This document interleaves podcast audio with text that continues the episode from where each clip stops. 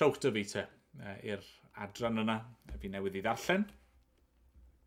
A fi eisiau chi ddychmygu am funud fod y lockdown drosodd. Bydda hynny'n beth braf na fyddai. Am ba bynnag reswm bod y Llywodraeth yn gyhoeddi na, mae'n iawn nawr, mae'n saff, allan ni fynd nôl i normal. Ac felly, mae'r lockdown drosodd a chi wedi penderfynu dathlu fi'n siŵr bydd llawer ohono ni, yn gwneud a, a chi'n trefnu parti a chi'n chi, gwahodd pawb yr holl beth, y bobl hynny chi wedi godi eisiau nhw, eich teulu a'ch ffrindiau a yr holl bobl hynny chi wedi eisiau rhoi cwts iddyn nhw a, a sgwrsio dyn nhw a'i gweld nhw. E, Maen nhw'n dod a, a chi wedi chi di coginio llwyth o fwyd a prynu llwyth o bethau neis i, i fwyta ac yfed a mae pawb yn dod â phethau gyda nhw a mae yna ma wledd. Mae yna fynydd o fwyd a diod. Mae'n well na dydd nadolig hyd yn oed. Um, mae pawb yna, pawb yn cael amser gwych, yn sgwrsio ac yn, yn adnewyddu eu, eu cymdeithas. A chi wrth eich bodd chi'n cael yr amser gorau erioed yn siarad ac yn bwyta ac yn yfed, yn stwffio chi'nan. Nes yn y diwedd, chi'n gorfod just eistedd lawr ac uh, falle uh, agor y belt chydig bach i uh, gadael chydig o slac. Um, chi methu ffito mwy yn eich bol chi, chi wedi cael um, digonedd, chi wedi siarad drwy'r nos. Hyfryd falle bod chi'n gallu cofio y teimlad yna ar rhyw adeg yn y gorffennol. A chi'n hollol fodlon. A mae'n y broblem, wrth gwrs. Y broblem yw fod pob parti yn gorfod dod i ben. Mae'r teimlad yna y teimlad hyfryd yna o fod â llond eich bol, yn gyflym iawn mae'r teimlad yna yn diflannu. Nag yw estyn pa mor dda yw'r bwyd, yn sydyn chi'n teimlo, o, o, fi angen rhywbeth arall. Dim os faint i chi wedi uh, yfed, uh, cyn bo hir mae'r mae syched yn dod unwaith yn ragor. A pan mae'r parti drosodd, eich chi'n gorfod mynd nôl i wynebu reality, yn gorfod mynd nôl i ddelio efo'r holl broblemau eraill sydd yn ein gwynebu ni o ddydd i ddydd. Chi'n gweld, mae'r holl bethau e, da yma, mae Dyw yn rhoi ni bwyd a diod a e, theulu a ffrindiau, yr holl bethau hynny ni mor aml yn chwilio amdano nhw ac yn llenwi'n bywyd efo nhw, yn trial uh, ein bodloni ni, yn, yn ceisio digoni uh, ein angen ni, y gwir yw bod nhw'n methu. Y pob un ohono nhw yn y diwedd, hyd yn oed os ni'n llwyddo i'w cael nhw, i ni methu dal gafel iddyn nhw, ac ar ôl i ni cael nhw, dyw'r teimlad yna'r bodlonrwydd yna, dyw'r e jyst ddim yn para, ydy e? Ac um, mae hynny'n wir ar bob lefel o gymdeithas. Nes dim ond faint sydd gyda chi, dyw'r teimlad yna ddim yn mynd uh, i ffwrdd. Um, chi'n meddwl, pa mor aml ni'n clywed am bobl cyfoethog? Uh, pobl sydd â miliynau neu biliynau o bobl uh, o, bunnoedd a, a maen nhw'n cael eu dal mewn rhyw scandal lle maen nhw ddim yn talu trethu. Hynny, mae'n wirion yn dydy, mae dyn nhw fwy o arian na mae'r mwyafrif ohono ni'n gallu ddychmygu, ac eto mae'n amlwg bod e just pith yn ddigon. Dyna ni'n mynd i weld mewn ffordd amlwg iawn yn yr hanes yma, y bore yma. Ni wedi clywed yn barod yn Efengil Iwan, Iesu yn, yn siarad, yn cael sgwrs estynedig gyda unigolyn Os tro yna, Nicodemus oedd chi'n cofio uh, i hanes e. Wel, bore yma, mae'r person mae Iesu yn siarad â nhw mewn llawer o ffyrdd y gwrthwyneb yn llwyr i Nicodemus. Oedd e'n ddyn, mae hon yn ddynes. Roedd e yn Israeliad, mae hon yn Samariad. Roedd e yn berson hynod o gryfyddol hynod o barchus a statws uchel cymdeithasol ganddo. Mae hon yn amlwg yn byw ar y cyrion. A mae bywyd personol hi yn hynod o gymleth, yn hynod o drist. Ac eto mae Iesu yn gwneud amser i'r ddau ohonyn nhw. Mae ganddo fe ddiddordeb yn y ddau ohonyn nhw.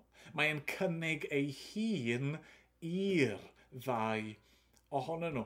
Oherwydd yr un broblem sylfaenol sydd gan y ddau. Yr un angen sydd gan y ddau ohonyn nhw. Yr un angen sydd ym mhob un ohono ni. Mae yna rhywbeth ar goll. Yr un peth yna sydd yn mynd i'n bodloni ni, sef perthynas cywir gyda Dyw trwy'r arglwydd Iesu Grist. Dyna sy'n cael ei gynnig i ni y bore yma. Nawr, y pwynt cyntaf uh, i fi eisiau i ni sylwi arno wrth edrych ar yr hanes yma yw hyn. Dydy'r byd toredig yma ddim yn gallu ein bodloni ni. Okay, na ddweud yna tor, gan bod chi'n cymryd nodiadau, dydy'r byd toredig yma ddim yn gallu ein bodloni ni. Mae'r Beibl yn dweud bod ein byd ni wedi torri. Mae'r byd perffaith.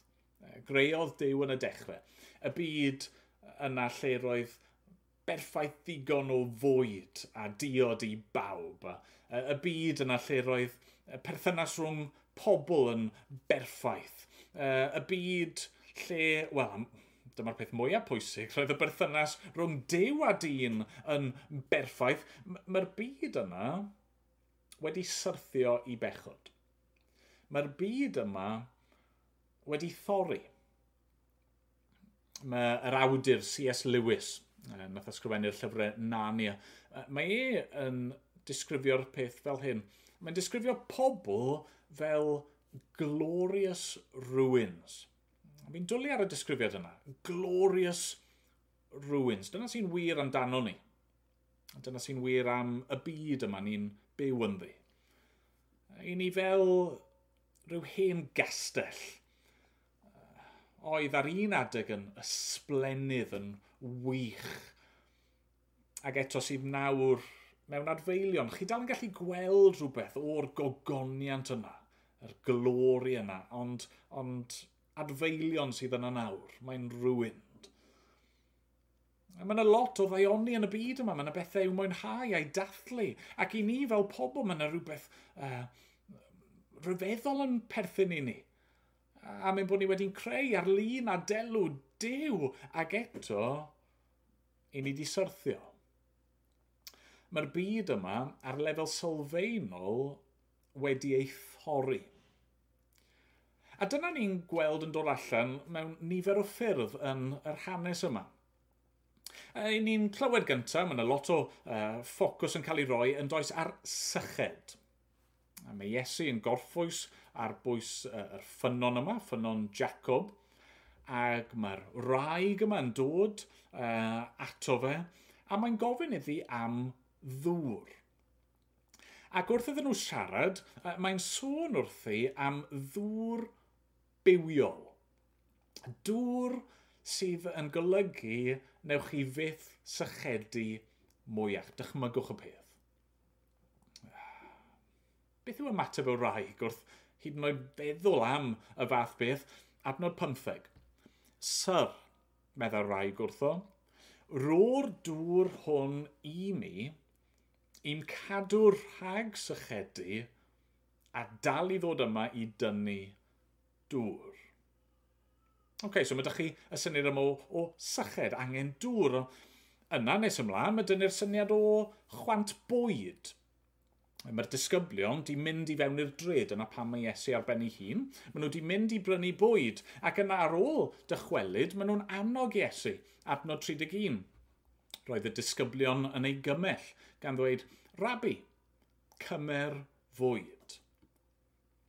A mae'r ddau beth yma, eisiau dŵr neu diod ac eisiau bwyd, maen nhw'n hynod o gyfarwydd i ni yn dyn nhw. ni'n gallu uniaethu gyda syched a, a rhyw fath o newynnu am fwyd.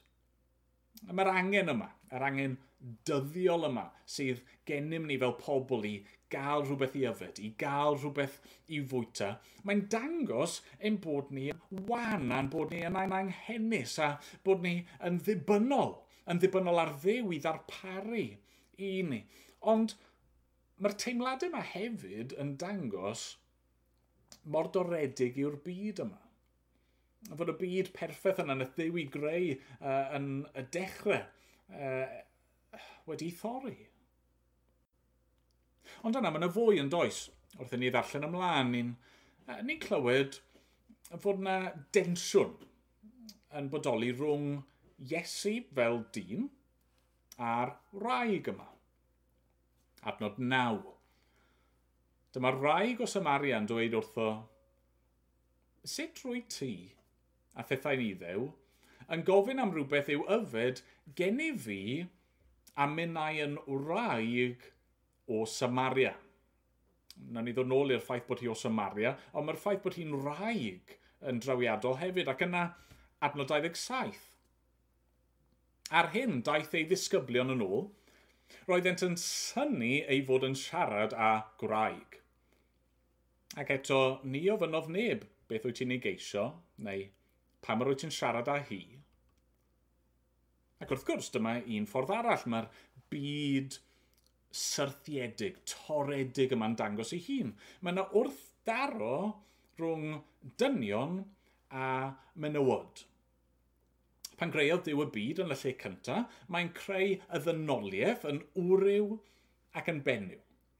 Ac uh, y ddau yn, yn wahanol i'w gilydd, mae yna wahaniaethau yn bodoli, ac eto mae'r ddau yn cael eu creu ar lun a delw Dyw. Mae'r ddau yn cael eu creu yn, yn gwbl hafal, yn gyfartal o ran gwerth a statws. Ond wrth gwrs, be sydd wedi bod yn wir ers y cwmp, yw yn hytrach na bod y gwahaniaethau yma rhwng, rhwng uh, dynion a, ag uh, menwod yn, yn cael ei ddathlu ac yn cael ei defnyddio er gogoniant i ddiw, mae yna wrthdaro yn digwydd. Mae ydych chi'r er battle of the sexes yn does. A mae'r Beibl yn hollol glir uh, fod unrhyw gamdrin neu unrhyw uh, gormesu neu diraddio person ar sail ei rhyw, mae hynny'n anghywir, mae'n bechod, mae'n effaith o'r cwymp. Uh, mae'n rhan o'r ffaith fod ein byd ni wedi torri. O'n i'n gweld yr broblem yma uh, yn ddyfnach eto uh, wrth uh, i Iesu holi'r rhaeg yma am ei gŵr hi. A mae hi'n dweud, sdim gŵr geni. A mae Iesu'n dangos, uh, wel, rhywbeth o'i, oi ddiwdoref yn hyn. Mae'n mae, gwybod i chemdir, mae'n gwybod y gwirionedd, mae'n gwybod bod hi wedi cael pimp o wir. A mae'n gwybod fod y dyn mae hi'n byw gyda ar y pryd ddim yn ŵr iddi. Na, ni ddim yn gwybod y cefndir i gyd fan hyn. Ni ddim yn gwybod a wnaeth rai o'i gwir hi farw a bod hi wedi ail briodi. Ni ddim yn gwybod os nath rai o'i gwir hi ei ysgaru hi uh, uh, yn ddiachos. Ni ddim yn gwybod ai hi oedd yn eog o, o dineb beth sy'n hollol amlwg, naill ffordd na'r llall, mae i bywyd hi a'i phrofiad hi o berthynas wedi bod yn un, yn un trist ac yn, yn mesu. Ys dim un o'r priodasau mae wedi uh, i gael di gweithio allan fel y dylen nhw di wneud ac uh, mae ei, ei phrofiad hi o fywyd priodasol yn amlwg wedi cael effaith ar ei, ar ei perthynas i gyda eraill, achos mae'n drawiadol neu gwe, mae'n dod mas fan hyn i'r ffynon yma ar ben ei hunan. Mae dim cwmni ganddi, dim ffrindiau ganddi, mae'n cadw draw hyd yn oed oddi wrth ragedd eraill. Mae'n unig. Yna, ar ben hynny gyd, tas y hyn i gyd ddim yn ddigon, ni'n gweld effaith y byd toredig yma yn y tensiwn hiliol sydd rhwng uh, y ddau ohonyn nhw. Eto, adnod naw, dyma rhaeg o Samaria yn dweud wrtho, sut rwy ti a thethau'n iddew yn gofyn am rhywbeth yw yfed gen i fi a myna'n rhaeg o Samaria. Dydy hi pryn yn gallu credu fod ein fodlon siarad gyda hi. Nawr, jyst i roi chydig o, o'r cefndir fan hyn, rhaid o'n bod yn anghyfarwydd i chi. Yn yr Hen Testament, oedd yna adeg lle roedd pobl ddiw yn unedig. Roedd yna ddeuddeg llwyth ac o'n nhw yn un deyrnas.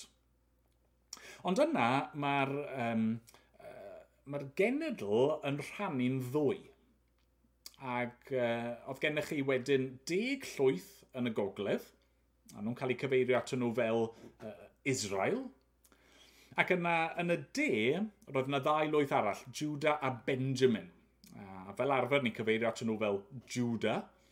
Ac, um, uh, wel, prif ddinas y de oedd Jerusalem, a prif ddinas y gogledd oedd Samaria. Nawr, yn nes ymlaen, dyma yr gogledd Israel yn cael ei choncro. Dyma yr Assyriaid yn dod – yn concro'r wlad a cymryd y mwyafrif o'r bobl pwysica, a'r bobl mwyaf cyfoethog, dylanwadol, yn cymryd nhw allan o'r wlad a mynd â nhw i geithglid, i exile. Ac yna, nath yr Assyriad anfon pobl eraill, pobl o wledydd eraill, i fyw yn, yn y wlad, a nath y bobl yma priodi yr Israeliad oedd yn weddill a wnaethon nhw gyfuno addoli diw gyda addoli diwiau eraill ac arferion eraill. A felly, oedd y bobl yn y de, uh, pobl Jwda'r iddewon, ond nhw'n gweld pobl y gogledd neu'r Samaried fel daethon nhw i gael ei adnabod, ond nhw'n gweld nhw fel, fel bradwyr am hir pobl o dras am hir, pobl o grefydd am hir. A felly doedden nhw fel arfer ddim eisiau unrhyw beth i wneud gyda nhw, neu cyn cynlleir a phosib. Oedd yna agwedd hiliol, pechadurus, wedi datblygu a wrth gwrs, ni'n gwybod fod yr math yna o densiwn a ac y math yno o hiliaeth wedi bodoli trwy gydol hanes, mae'n dal i fod yn broblem heddi. Hyn ni'n ymwybodol iawn o hynny ar hyn o bryd. Felly, jyst i gymryd cam nôl am funud, chi'n chi gweld y, yr darlun sy'n cael ei roi ni o'r byd fan hyn. Mae'n syrthiedig. Mae'n bechadurus. Mae'n doredig. Mae'n mes. Mae'n holl uh, anghenion ni uh, yn dangos hynny, mae'n uh, yn perthnasau ni gydag eraill yn dangos hynny. Dyw pethau'r byd yma ddim yn mynd i'n digoni ni. Hyd yn oed os ych chi'n llwyddo i gael y bwyd i chi eisiau, y diod i chi eisiau, y perthnasau i chi eisiau, dyn nhw beth yn ddigon. A dylsa hynny ddim fod yn sioc i ni dyw e ddim yn syndod fod pethau'r byd yma ddim yn ddigon, achos dyn nhw ddim fod i'n bodloni ni. Dim ond Dyw all ein bodloni ni. A nawr chi'n gweld y pwynt. Y pwynt yw, lle mae Iesu? O mae e yma, yn dydy? Mae e yn y stori. Mae e wedi gadael y gogoniant oedd ganddo fe yn y nefoedd. Mae e wedi dod un byd toredig ni. Mae wedi dod yn un ohono ni. Mae'n rhyfeddol yn dydy pan ni'n ystyried hyn fod Iesu, gair Dyw, mab Dyw, yr holl alluog, lle mae e?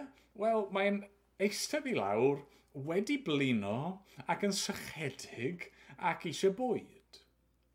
Mae e yma yn uh, Samaria yn torri trwy ffiniau cymdeithasol a ffiniau hiliol er mwyn cyrraedd y rhaeg yma a chwrdd a'i hangen dyfnaf hi am berthynas gyda Dyw. Does neb tu hwnt i gyrraedd cariad Dyw. Mae'r arglwydd Iesu di dod, uh, di cymryd ein gwendid ni arno fe ei hun, di dod i, i gyrraedd y, y bobl hynny sydd di cael, um, o, oh, sydd, sydd heb obaith yn y byd. Mae'n ddiddorol. Um, yn yr Hen Testament, mae'n stori gyda ni am ddyn arall sydd wrth ffynon yn gofyn i rywun am ddŵr um, mae'n rhan o hanes lle mae Abraham yn chwilio am raig i'w fabe, e, Isaac. A mae'n anfon gwas uh, nôl at y teulu estynedig uh, er mwyn uh, chwilio am raig i Isaac. A mae'r gwas yn dod, a dwi ddim yn siŵr um, lle i fynd, ac mae'n mae mynd ac yn gofyn am ddŵr ac uh, mae Dyw yn, yn trefnu fod y person mae'n gofyn iddi am ddŵr y person cywir. Ac um, mae, mae hi yn mynd nôl wedyn i fod yn rhaeg i Eisac. Ac oedd y pwynt fyna yw, mae yna ma, na, ddyn yn, yn uh, gofyn i rhywun am ddŵr er mwyn ffeindio graig i'r meistr. Wel, um, fan hyn, mae dyn ni Iesu y brenin. A mae wedi dod. Mae wedi dod i garu ac i achub ei briodferch. A mae'r gwahoddiad yna i unrhyw un. Sdim ots pwy i chi. Unrhyw un sy'n barod i gredu ynddo fe. Mae wedi dod i ganol y mes, i ganol y byd toredig yma. Pam? Fel er mwyn rhoi ei gorff ei hun i gael ei dorri drosto ni ar y groes mae wedi dod i ddioddau, mae wedi dod i, i farw, a, a rhoi ei hun er mwyn pob un sy'n credu ynddo fe. Er mwyn i ni i gael maddeiant, er mwyn i ni i gael bywyd tragwyddo. Na mae hyn yn dod yn ei at ein ail bwynt ni. Dyma pam mae Iesu wedi dod, ond, ond sut mae hynny yn, yn dod i ni te? Wel, yr ail bwynt yw hyn, dim ond diw all ein bodloni ni. Mae'r byd toredig yma, i ni'n byw yn ddi'n dangos i ni mae dim ond diw all ein bodloni. A mae Iesu'n dangos hynny i ni mewn nifer o ffyrdd. Y ffordd cyntaf, amlwg, yw yn y ffordd mae'n siarad efo'r rhaeg yma am ddŵr bywiol. Adnod 13. Atebodd Iesu hi, bydd pawb sy'n yfed o'r dŵr hwn yn profi syched eto. Ond pwy bynnag sy'n yfed o'r dŵr a rodda fi iddo, ni bydd arno syched byth. Bydd y dŵr a roddaf iddo yn troi yn ffynon o ddŵr o'i fewn, yn ffrydio i fywyd tragwyddo. Mae Iesu'n defnyddio'r darlun yma darlun hynod o real o ein sychyd ni, a mae'n dweud, fi di dod er mwyn cwrdd â yr sychyd, yr angen dyfnaf yma sydd gan bob un ohono ni, sef ein sychyd ni am ddew. Uh, mae Iesu'n dweud bod wedi dod i, i roi hynny, i ni fel, fel rhodd, rad ac am ddim. Yna mae'n dangos rhywbeth pellach i ni, uh, wrth iddo fe siarad efo'i ddisgyblion, yn dydy. Arno 32.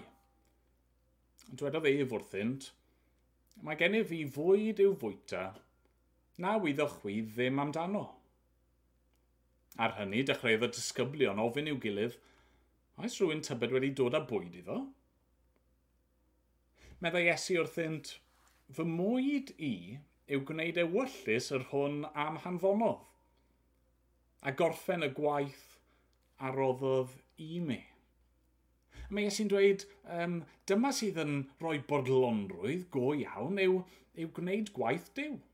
Cyflawni bwriad diw, cynllun diw ar ein cyfer ni. A, a mae Iesu'n dweud nawr uh, bod hynny yn cael ei gynnig i ni. Uh, bod ni yn gallu bod yn rhan o bobl ddiw. I ni yn gallu um, gwneud gwaith yr arglwydd i ni yn gallu um, bod â ffwrpas i'n bywydau ni. I ni'n gallu hyd yn oed bod yn rhan o waith yr arglwydd Iesu. I ni'n gallu mynd a galw pobl ato fe. I ni'n gallu mynd a a'i gwahodd nhw i ddod ac i brofi'r er, er, er hyn sydd ganddo fe i'w gynnig. Ond falle mae'r uh, lle, mae y pethau mae gyd yn dod mwyaf amlwg i ni yw pan mae Iesu'n siarad gyda rhaeg ac yn sôn wrthi am addoli. Ni'n clywed yn adnod 23. Mae'r amser yn dod, yn wir mae yma eisoes, pan bydd y gwir addolwyr yn addoli'r tad mewn ysbryd a gwirionedd. Oherwydd rai felly mae'r tad yn ei ceisio i fod yn addolwyr iddo. Ysbryd yw diw, a rhaid yw addolwyr ef addoli mewn ysbryd a gwirionedd.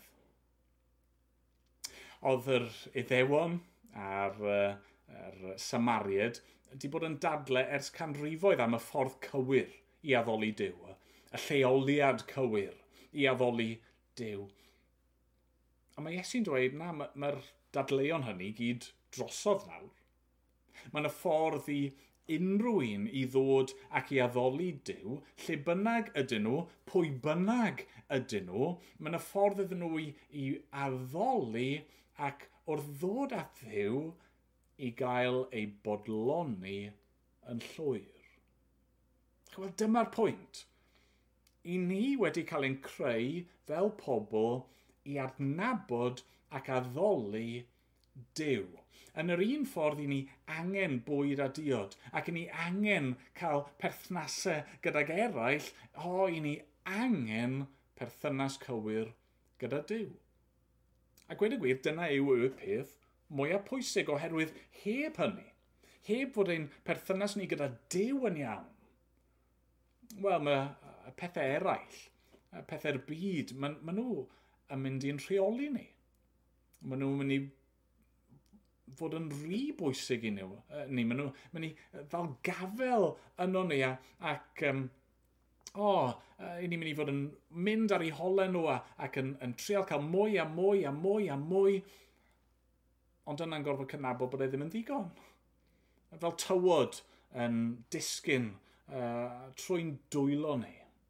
Y mwyaf ni'n cael o bethau'r byd, y mwyaf mae'n gadael ni uh, yn eisiau yn anghennus. Hyd yn oed os oes gennym ni bopeth, pe bawn ni yn llwyddo i gael y byd i gyd, heb ddew, heb bod ni yn ei addoli e mewn ysbryd a gwirionedd, mae'r peth pwysica ar goll. Felly, be mae Iesu'n golygu? Wrth iddo fe sôn am addoli mewn ysbryd a gwirionedd. Wel, wrth ysbryd, mae'n sôn am ein hagwedd ni. Mae angen ein calon ni, ein bwriad ni fod yn y lle cywir. Mae'n rhaid i ni afoli nid jyst yn allanol, nid jyst mynd trwy'r motions, mae'n rhaid addoli go iawn yn ein hysbryd ni. Ond mae'n rhaid i ni hefyd addoli mewn gwirionedd. Mae'n rhaid i ni addoli y gwir ddew ac addoli yn y ffordd sydd yn plesio dew. Chwa, mae'n y berygl uh, i ni addoli mewn ysbryd, heb y gwirionedd. Mae'n y berygl hefyd i ni addoli mewn gwirionedd, ond heb yr ysbryd cywir. Dwi e ddim yn ddigon bod ni'n addoli yn ysbrydol a bod e'n calon ni yn y lle iawn, ond bod ni ddim yn addoli'r gwir ddiw chi'n clywed pobl weithiau'n dweud yn dichi, o, o mae rhywun wedi gwneud rhyw gamgymeriad, maen nhw wedi ymddwyn yn anghywir, ond mae'n iawn, oedd hi calo nhw yn y lle iawn. Fel tas hynny'n rhywbeth o esgus. Wel na, na, dyw person ddim yn cael ei esgusodi am addoli diwiau eraill a roi pethau eraill yn lle diw just achos bod nhw'n trial i gorau bod eu calon nhw yn y lle iawn, na. Rhaid addoli diw mewn ysbryd a gwirionedd ond dwi ddim chwaith yn ddigon i addoli mewn gwirionedd yn unig. Dyw dweud y pethau iawn, a hyd yn oed yn feddyliol credu'r pethau iawn a dilyn rhyw draddodiadau a um, gwneud pethau uh, cywir, dyw'r pethau yna ddim, uh, ddim yn gwneud unrhyw lles i ni os nag i ni'n addoli diw mewn ysbryd mae rhaid i roi fel hyn. Does na neb yn fwy uniongred na'r diafol. Hynny yw, neb yn gwybod y gwir yn well na y diafol. Ond dwi e ddim yn gallu addoli, dwi e ddim yn mewn perthynas gyda Dyw. Gallwch chi wybod y gwirioneddau i gyd, ond os nag i chi um, fel y rhaeg yma yn dod i sylweddoli pwy yw Iesu ac yn credu yn ei eiriau fe, wneith hynny ddim lles i chi o gwbl. Gael fynd i chi'r bore yma. Ydych chi wedi cael digon o chwilio a chwilio am atebion a ffwrpas a ffeindio fod y pethau yma ddim yn eich bodloni chi. Ydych chi wedi cael digon ar llenwi'ch bywydau chi efo pethau a wastad ffeindio bod e just ddim yn ddigon. Yn yr Hen Testament, yn llyfr y proffwyd Jeremia, oedd Dyw di disgrifio'r broblem yma.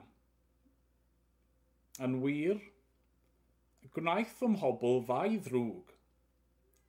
Fe'n gadawsant i ffynon y dyfroedd byw, a chloddio iddynt ei hunain bydewau, pydewau toredig na allan ddal dŵr. Dyw yn gweud fod y bobl uh, yma wedi troi ffwrdd oddi wrtho fe, yr un oedd wir yn gallu bodloni nhw, a di trial ffeindio pethau eraill i gymryd ei le, ac, ac oedd yn methu fel pydew sydd wedi torri sydd ddim yn dal dŵr. Ond oedd Dyw hefyd i haddo, y byddai dydd yn dod lle fydda fe'n cwrdd ag anghenion i bobl e. Ni'n darllen yn Ezeia 55, Dewch i'r dyfroedd. Bob un y mae syched arno. Dewch, er eich bod heb arian. Prynwch a bwytewch.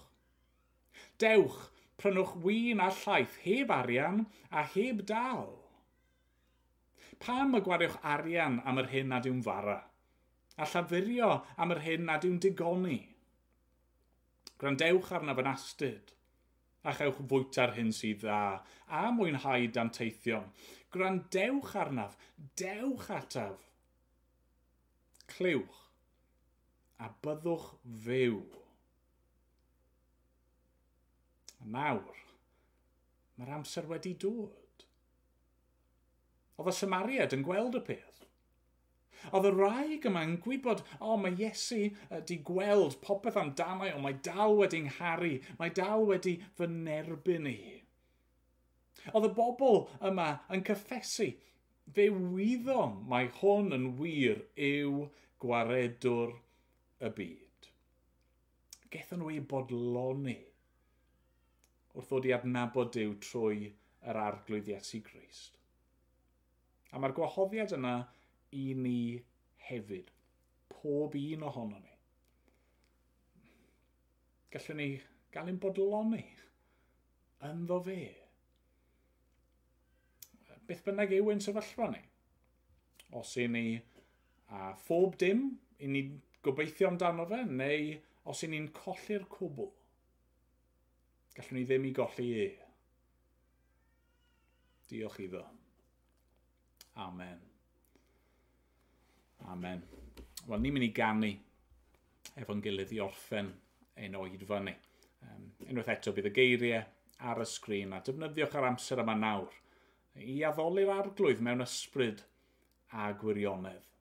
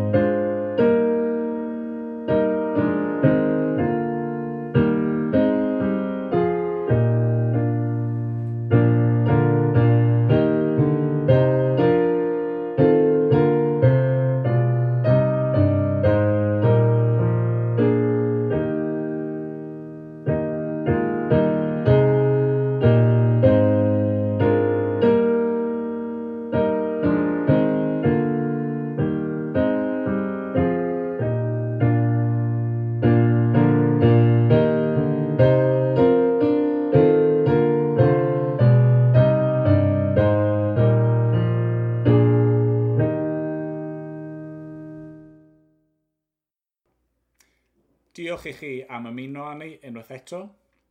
I ni fel eglwys yn parhau i weddio drosoch chi sydd yn gwrando ac yn dymuno bendith diw arnoch chi. Ac os oes unrhyw ffordd gallwn ni eich helpu chi eich gwasanaethu chi, please cysylltwch â ni.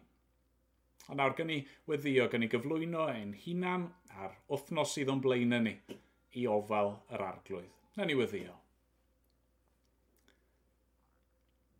o ddewn tad. I ni yn cyflwyno'n hunan felly i dy ofal tyner di. Yn meddwl am y ffordd roedd yr arglwydd Iesu yn trin yr bobl anghennus yma oedd yn dod ato fe. Arglwydd i ni yn dod yn waglaw. I ni'n hollol ddibynnol arna ti. I ni'n gofyn ei di ddarparu ar ein cyfer ni ein holl anghenion. Dyro i ni heddiw ein bara beinyddiol. Mae pob peth yn dod i ni genu ti. A ni'n dibynnu arna ti am y cwbl. Ond dad yn fwy nag unrhyw beth arall i ni, i ni eisiau ti dy hun. I ni am i ti ddangos dy hun i ni, i fod gyda ni, i siarad â ni. Arglwydd i ni am fod ein bywydau ni yn addoliad i ti mewn ysbryd a gwirionedd. I ni am wybod dy bresenoldeb di gyda ni o awr i awr. O arglwydd. Diolch dy fod ti'n cynnig y pethau yma i ni trwy y Mesoea, yr arglwydd Iesu Grist. A ni'n cyflwyno'n hunan felly i ti yn ei enw a'i heiddiant e. Amen.